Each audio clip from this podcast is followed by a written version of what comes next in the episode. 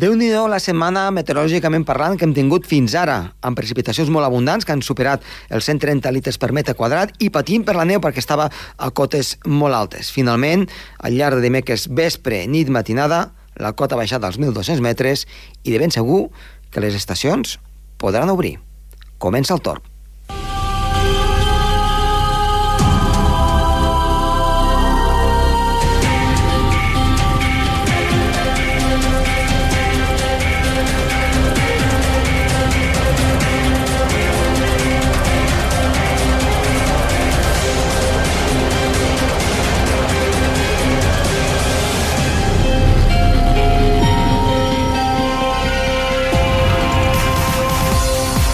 Molt bona tarda, moltes gràcies per estar darrere del seu transistor, al seu vehicle o des de qualsevol lloc del món per internet. Avui parlarem precisament d'aquesta pertorbació amb Roger Soler i també parlarem amb Jordi Marquilles sobre el clima d'Europa i de la zona d'Amèrica del Nord. Per tant, un programa ben entretingut amb la previsió meteorològica. Som-hi!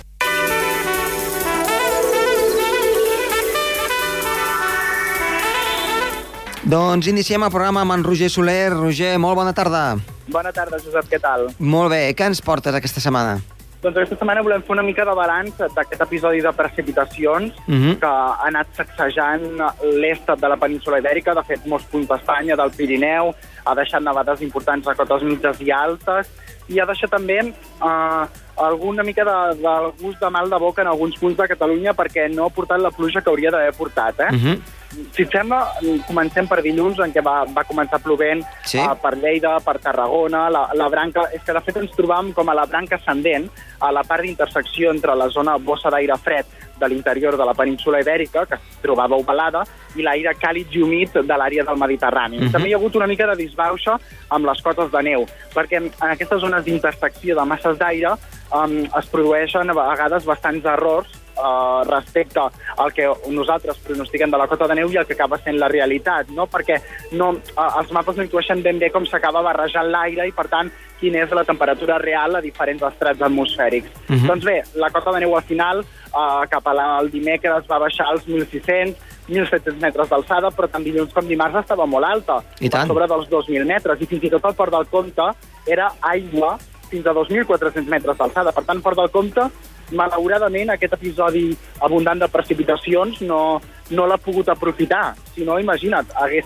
caigut més de dos metres de neu allà, eh? Mm, Sí, ah, de fet ah, va ser ahir a la nit quan va, va baixar la cota fins als 1.200 a, Sí. a, la, a la zona, diguem-ne, central i, i est del Pirineu i s'ha pogut aprofitar una mica en aquest sentit, però clar, tot el, tota la, la precipitació que havia caigut abans doncs, eh, no, doncs no ha estat bona. Nosaltres, per exemple, hem recollit al voltant dels 130 litres eh, de mitjana a totes les parròquies.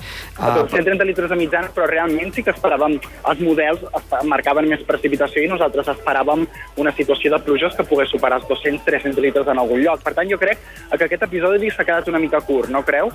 Eh, La realitat, vaja. Jo crec que a la zona nostra de- d'Andorra eh, és just el que, el que s'havia predit. Sí, però, que els models marcaven a la zona del Prepirineu eh, 200 i 300 litres per metre 250, quadrat. 300 litres per metre quadrat. Clar, pensant, pensant sí. que tenim la barrera del Prepirineu abans, eh, era normal que aquí caiguessin vora 100 litres una mica més i al Prepirineu, doncs, amb, amb, amb la important injecció d'aire càlid i humit barrejada amb una mica d'aire fred, seria la primera, la primera barrera, Ah, diguéssim, exacte. orogràfica, que és, és egoista, per dir-ho d'alguna manera, per entendre'ns, i s'ho va quedar tot, no? perquè és el, la primera estribació que troba la massa d'aire, puja, es condensa i deixa la major part de precipitació, i després, a mesura que va avançar les muntanyes en sentit Sí, nord, sí, però- va, per, va perdent pistonada. No? Fi, fixa't que a la zona, a la zona oest de, del Pirineu eh, la cota arribava a baixar eh, doncs, pr- pr- pràcticament cap a Navarra, cap als 1.000, eh, per sota dels 1.000 metres d'alçada, No, fins no, i tot. De fet, no, de fet, de fet, en el Facebook vaig llegir una informació que un, un observador estava alertant de neu a 200 metres de Navarra. Imagina't. Eh? I el País Basc, 200 metres. Clar, estaven, diguéssim, a la zona plena del nucli de l'aire fred. Clar, imagina't, 200 metres en aquesta àrea i nosaltres estàvem a, a, a l'episodi de dilluns-dimarts cap a 2.200-2.300 metres. Sí, sí, sí, tant. Aquí- Aquí, aquí... aquí- molta diferència, molt gradient de cotes de neu altimètrica amb molt poca distància, pràcticament. Però vaja, un- Distància relativa. una, una pertorbació de, de, de llibre total i absoluta, eh? eh per, per poder-la estudiar, eh, doncs ara amb posterioritat, amb, amb tranquil·litat, per veure també aquestes cotes de neu tan, tan diverses i, i com s'ha d'afinar a l'hora de, de, de fer una, una previsió meteorològica. Doncs sí, i tant, i tant. Doncs, bueno, una, aquest és una mica el balanç de- d'aquest episodi de precipitacions que, déu nhi ha sigut força, força productiu i serveix sobretot per omplir les capçaleres dels rius, els embassaments dels pantans, perquè és el Prepirineu on han registrat més pluja. Doncs sí, i, i si més no, doncs també per obrir la, la temporada d'esquí, perquè poc o molt doncs, eh, totes les estacions s'han vist beneficiades, amb més o menys, i després, si fa una miqueta de fred, doncs segurament que, que una mica sí que, que es podrà obrir. Roger, moltes gràcies i t'esperem la setmana vinent. Molt bé, que vagi molt bé. Adéu-siau. Adéu.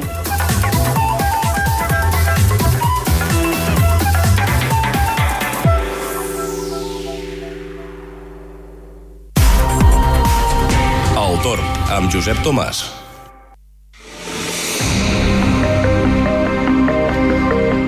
Comencem avui amb l'entrevista amb Jordi Marquilles, un dels nostres col·laboradors habituals, eh, meteoròlegs i més no aficionat, i que porta un blog que doncs, eh, de tant en tant eh, ens sorprèn amb, amb les coses que hi posa sobre, evidentment, em, temes de l'hivern, temes de la neu.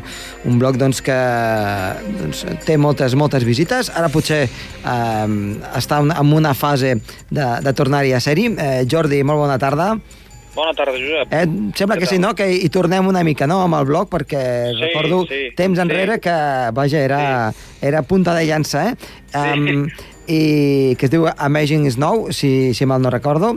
Aquest mateix. I, I que avui doncs, ens vas parlar una miqueta sobre els climes de l'hivern. tinc adormit, eh? Perdona que talla, però tinc una mica adormit, el blog. Però bueno, allà està, allà està. Allà està, allà està, i bueno, de tant en tant doncs, encara Sí. doncs, algun post s'hi va posant, eh? Ara a veure si, Sí, sí. si comença el fred i la cosa s'anima una mica. Eh, avui ens vas parlar mm, justament doncs, de, de, de l'hivern, del clima de, de l'hivern als Estats Units, i, o si més no, a l'Amèrica del Nord i, a, i també a Europa. Eh, dos continents que són eh, iguals però, però diferents i suposo que amb certes especificitats que ara, que ara ens explicaràs. Doncs sí, és un, bueno, un tema que es podria parlar per estona llarga, Mhm. però bueno, a grans trets podríem esmentar, bueno, per, per donar una idea, es- ho explicaré molt per sobre perquè, si et, com, com et dic i tu saps, és molt, molt, molt ampli la cosa perquè una cosa et porta a l'altra. Però bueno, què, què podríem dir? A veure, el clima, pues, a veure, Estats Units i, i bueno, Nord-Amèrica i Europa, no? Uh -huh. Pues, clar, dos, gra- dos bons continents, però amb afectacions de masses d'aire pues, de diferents tipus, amb un context de, de circulació general de, de, de, de l'atmosfera l'hemisferi nord, de la, de, de, de, de la circulació zonal que se'n diu, Sí. i això no oblidem mai que la nostra zona, tant als Estats Units com aquí, és circulació oest-est, de oest a est, bàsicament, clar, i això té, té, té, la seva, té la seva resposta amb climes, no? I, bueno, clar, evidentment, depèn de la banda que estem del continent, pues, hi ha una afectació o una altra. I tot això també bastant lligat, si això sí que ens porta molt l'hivern, eh, amb, la, amb el comportament de la- de l'atmosfera la, polar, eh, que sí que té unes bones... també té molta, molt, molta implicació amb com es mou el clima en una, en una zona o altra, no? Uh -huh. i, bueno, no sé, podem parlar de molta cosa. Eh, què diríem? Per exemple, que, bueno, que a Europa, per exemple, la, la façana eh, occidental no? dels Estats Units o la d'Europa. Sí. A Europa tenim la façana occidental, tenim l'oceà Atlàntic, que, quina particularitat té l'oceà Atlàntic? Pues, bueno, pues, com molta gent sabrà, altres no, bueno, eh, tenim la corrent del Golf, eh, que, que, que és la que dona un cert temperament a tota la façana atlàntica del continent. Eh, què vol dir això? Vol dir que, per exemple, Gran Bretanya, que té una latitud, latitud mm, diguem que, bueno, pues és el teta, la, no? la, la latitud de, de, de, la, de la zona aquesta, pues té un clima, no té un clima molt fred, Mm, i això és per, degut a la, la, corrent del Golf, que arriba fins a la zona dels països nòrdics, inclús a la zona de Noruega es pot parlar d'un atemperament, no? I això és degut, és degut a la corrent del Golf, que per cert, que això ja en parlem un altre dia, que, sem, que els últims anys s'ha anat seguint si perdia pistonada o no la perdia. Mhm. Bueno, sí, hi ha algun estudi que diu que ha perdut força i tal, eh? Però, si més no, i, i a més té un nom conegut, això, la, la, el mundillo climàtic, eh, que la, la, la corrent de l'OF és com la com la calefacció central del continent. Ja. I, i es pot dir així perquè la, ja et dic, la zona passant occidental d'Europa pues és, té un clima mo, mm, Molt temperat, no? No, no extrem. No Sí, sí, extrem. clar. És a dir, clar, això són les inèrcies dels, dels oceans, no? Vull dir, atemperen. Si, que- si, si entrem a més a interior, clar, parlem de clima continental, ja ho diu la paraula, i tot això, bueno, tant oceans com, continent, com continent interior, mm, què fa? Pues, pues, fa que les masses d'aire que, que de sobre pues, tinguin unes certes particularitats, no? més fredes o, menys, o més càlides. No sé, és, és molt extens. No sé, tu pregunta'm, Josep, alguna cosa. Sí, de Perquè- fet, uh, el, el, una de les coses més interessants, no?, que mm, a part de, de les mm, numeroses serralades que fan que hi hagi microclimes en una i Cert. altra vall, per exemple, doncs, al centre d'Europa, eh, a mi m'agradaria una mica doncs, eh, fer una comparació entre el que seria eh, tota la zona aquesta plana de, dels Estats Units i també del Canadà respecte a quan ja eh, doncs hem creuat els Alps i ens trobem doncs, amb, aquestes, amb el que era doncs, l'antiga Prússia, no? eh, diguem-ne, ja de, fins, fins a arribar al- als Urals i que comença pràcticament a Alemanya, tota aquesta zona plana. No sé si es pot comparar una mica amb el que és eh, la del Canadà en quant a clima, en quant a temperatures. Ara mateix, per exemple, doncs, eh, les darreres pertorbacions han deixat eh, una part d'Alemanya, ja ens en anem cap a, cap a les repúbliques bàltiques, Polònia, Ucrània, Rússia, tot, tot amb una quantitat de neu que fins i tot ha col·lapsat eh, moltes zones eh, Sí. molt aviat, eh, ja, ja al Sí. novembre. Clar, això al Canadà també també succeeix. Hi ha algun cert, un cert paral·lelisme en, eh, en aquestes zones o el Canadà és molt més fred i molt més, eh, molt més rigorós? Eh, sí, ja, el que et dia abans, eh, aquí una cosa que té molta importància és eh, com a primera peça de tot el trencaclosques, que tu ja saps que sempre parlem de, de, de que el clima és un trencaclosques i, i normalment les peces sempre tenen el clima, té unes peces amb, jo que, el que diem anticiclons d'aquests que són de temporada, a part dels més dinàmics, hi ha unes peces, un engranatge que sempre hi és, no? Llavors, clar, això condiciona molt el clima, però aquest engranatge a vegades pues, té, per, té, té tempos que, que, que són els que són, no? Per exemple, aquest novembre, aquest octubre, l'Àrtic, tu, com tu també hauràs seguit, pues, es caracteritza per anomalies tèrmiques molt altes, és a dir, l'Àrtic està fent mm, en molt més bo, entre cometes, del que Sí. tocaria. Mhm. Això és degut a que hi ha un el vòrtex polar, que a vegades n'hem parlat, està molt lax. Què passa? Què vol dir això? Això vol dir que, per exemple, a la, el que és la, la concentració d'aire fred del pol es desplaça, no? I, i, i es desplaça. I, i aquest novembre, i a l'octubre, s'ha desplaçat molt a la, a la zona siberiana, no? Mhm. És a dir, Sibèria està fent molt fred, que ja sabem que en fa molt, però és que en fa una mica més del que toque Ja. aquest mes, ¿vale? I és, a, a, per contra, aquest fred s'ha mogut, vull dir, no està a la part Mhm. de l'Àrtic en si. Què passa? Bueno, que aquestes masses d'aire tan potents eh, es desplacen, per exemple, s'ha desplaçat de Sibèria. Clar, la zona euroasiàtica siberiana eh, té, té certa mm, afectació a, a, la, a la part mm, més interior del continent, no? Clar. Diguem, a la zona dels Urals, a la zona d'Ucrània, ho tenen més a prop, no?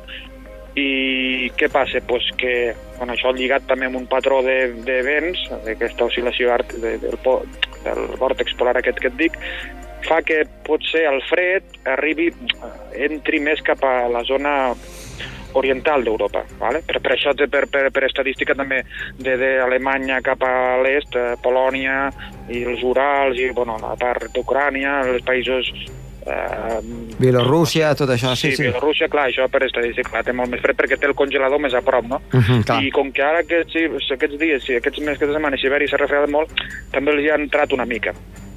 I els hi entra una mica també hem de pensar el que deia abans, això amb un context de circulació oest-est, que és la que domina, però a vegades eh, eh, les, les circulacions d'est també fan que, que, que aquest, fred entri cap a Europa. Mhm. Evidentment, quan s'arribi aquí a la part, a la part ja d'Espanya, França i tal, és que la circulació és, és potent. Això ja és més de Ja, ja. maduració hivernal, això ja és més Sí, de, sí. de quan dius, hòstia, aquí hi ha un gir de, de, de lo normal mm, Clar, destacat. quan, quan, quan aquest aire fred entra, entra en aquestes zones de, de l'est d'Europa i queda remanent per allí, tard o d'hora pot arribar al Mediterrani.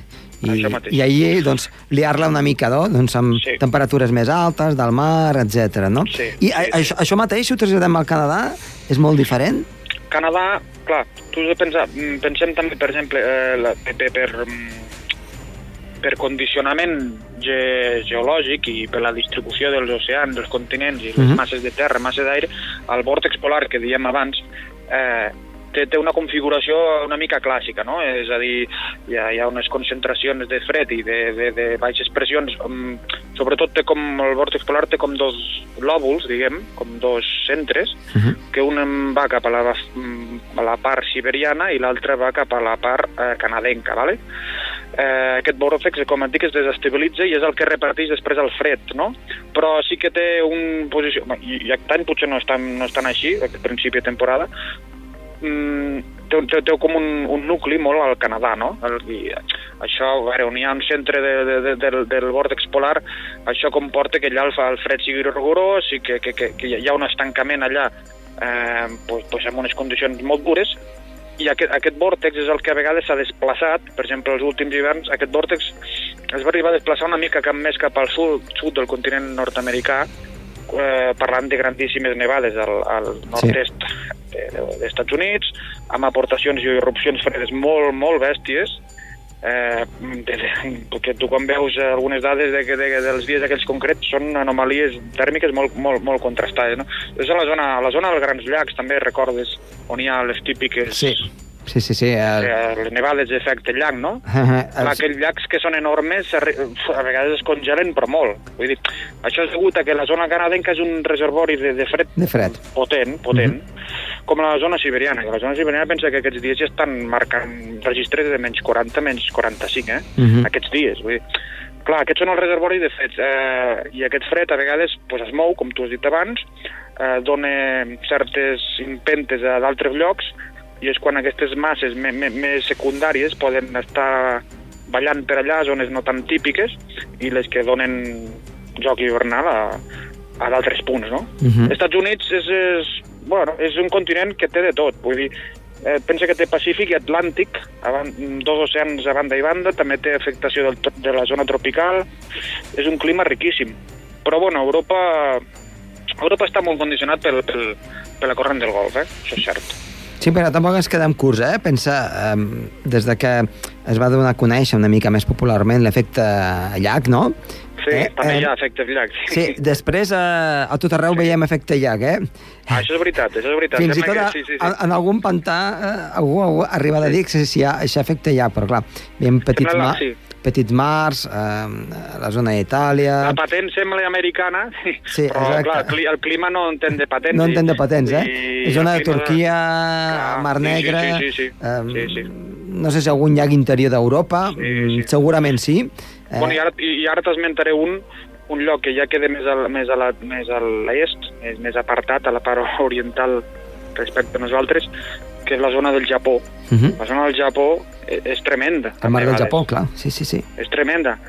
Per què? Pues perquè té la font de fred total de Sibèria, Mhm. té el fred allà, però al màxim, a més a més amb, amb mar pel mig, no? Vull dir, hi ha molt la corrent, aquesta que dèiem oest-est, de l'hemisferi nord, que li juga a favor. Allò fa un bombeig de, de borrasques barrejades amb fred total.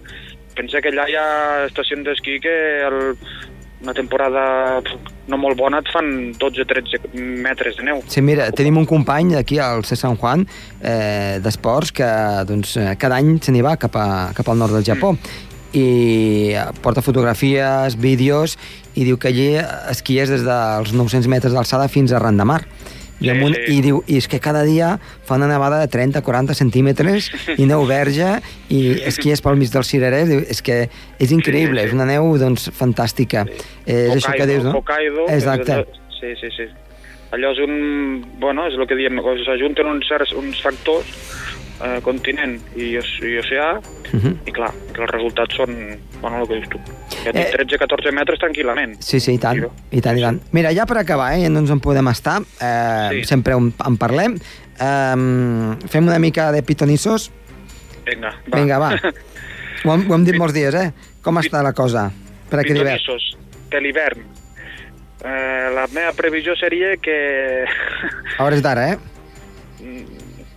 Que què t'he de dir, Josep? Que, Eh, que pff, que res, que, que no se sap. Tu, tu has sentit que ja veus que parlen de, eh, bueno, algun col·laborador teu l'altre dia et va Sí. parlar de, de, de, de, de que hi ha previsions de, no sé, si era un organisme francès, no?, de que Sí. l'hivern podia ser duríssim Mhm. aquí, aquí a Europa, no?, i sí que es parla que a Gran Bretanya podria ser dels més freds i tal. Bueno, pensa que altres hiverns també s'ha dit això i tampoc... No passa res. No, a veure, hi hi ha indicis ara... Eh, és que jo, com sempre, tu saps que sóc molt escèptic amb tot i amb les previsions, no? Eh, sí que és cert que hi ha un, una massa de neu molt important aquest, a Sibèria, que s'ha refredat moltíssim Sibèria, això pot tindre respostes a nivell de formació d'anticiclons, Sí. siberià i tal. Eh, veiem el, la zona polar molt laxa, és a dir, molt, dis, molt dis, distensada, és a dir, la circulació sonal típica de grans borrasques d'oest no, no es veu. Uh -huh. Eh, jo auguraria que si el vòrtex polar comença suau, té números de que durant l'hivern si continua en aquest sentit. Eh, això és cosa meva, eh? Sí, sí. Eh, això és bo, bueno, bo, bo, relatiu, pels que els agrada el fred i la neu, perquè pugui donar joc per a Europa eh, a l'hivern, és a dir, en plan fred i nivós, i jo que sé, també podem parlar de que la nin, el Niño s'ha de, desfet, estem en fase Niña. Uh -huh. sembla que ha guanyat números, està l'oceà Pacífic pues, està en fase més freda. La PDO, que és la, la, de, la, mm, el cicle del Pacífic Nord, eh, aquest tam, sembla que també s'ha mogut, la qual també és important, perquè hi ha peces que encara que quedin molt lluny, això parlem de la zona de, de sota Alaska, la Sí. part eh, Mhm. orient, no, illes, nord-oest sí. de Nord-Amèrica. Jo crec que també allò es mou una mica, a qual cosa, encara que sigui molt lluny, i, i com que diem que tot és un puzzle, sí que pot tindre certes afectacions a llocs molt llunyans, o sigui que jo, jo ho, veig, diver- ho veig distret, a diferència de l'hivern passat, que es veia un niño fortíssim Sí. i, es, i ja vas veure què va passar. Eh, per tant, em sembla distret, això vol dir, doncs... Eh, eh, Jo la meva previsió és esperança. distracció. Molt bé, molt bé. Després en parlarem.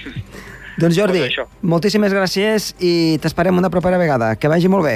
Molt bé, Josep. Adéu-siau. Fins una altra. Adéu.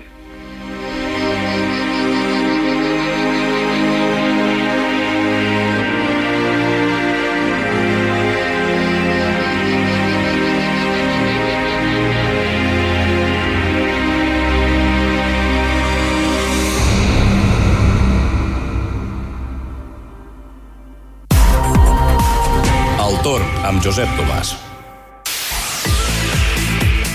Vinga, doncs som-hi perquè la situació meteorològica doncs, ha donat eh, una volta de 180 graus. Eh, estàvem doncs, eh, la setmana passada eh, pendents de la neu, si nevaria o no nevaria, dèiem que venia una perturbació molt activa, ja ho han sentit, com hem parlat amb en Roger Soler, i de fet el que, el que tenim ara mateix és força fred, amb temperatures que ja estan davallant doncs, eh, força i per tant ja comença a glaçar. Les properes matinades, atenció, que glaçarà sobretot a l'alta muntanya. Entre els 5 a 10 graus negatius seran la nota dominant al llarg divendres, dissabte i diumenge. Tot i que pugen les temperatures dissabte i diumenge, la situació encara serà força freda. Dissabte ve una petita pertorbació des del sud que farà que els núvols vagin augmentant i no es pot descartar alguna feble nevada molt dèbil, molt aïllada, cap als 1.200-1.300 metres. Quatre volves mal comptades, molt poca cosa, perquè de fet seran bàsicament núvols, on sí tindrà més afectació aquesta pertorbació serà al Prepirineu i ja fora de la zona del Pirineu. Així doncs, més o menys, la situació dissabte s'aguantarà, però amb aquesta nuvolositat i amb aquesta probabilitat de que hi hagi alguna feble precipitació. Temperatures que pugen, però, malgrat que pugin, encara seran fredes. I diumenge el sol s'acabarà imposant, la situació serà tranquil·la, freda a primera del matí i les màximes amb tendència a l'alça. Per tant, és un bon moment per poder doncs, eh, fer les primeres fotografies de neu, d'aquesta neu que ha caigut doncs, al llarg del divendres, eh, del dimecres a la tarda-nit, i en definitiva amb una situació meteorològica que doncs, augura, de moment, fresca, o si més no, freda a la muntanya, que és el que toca, i per tant, bona notícia en aquest cas per les estacions d'esquí. En definitiva, doncs, a gaudir de la neu a la muntanya.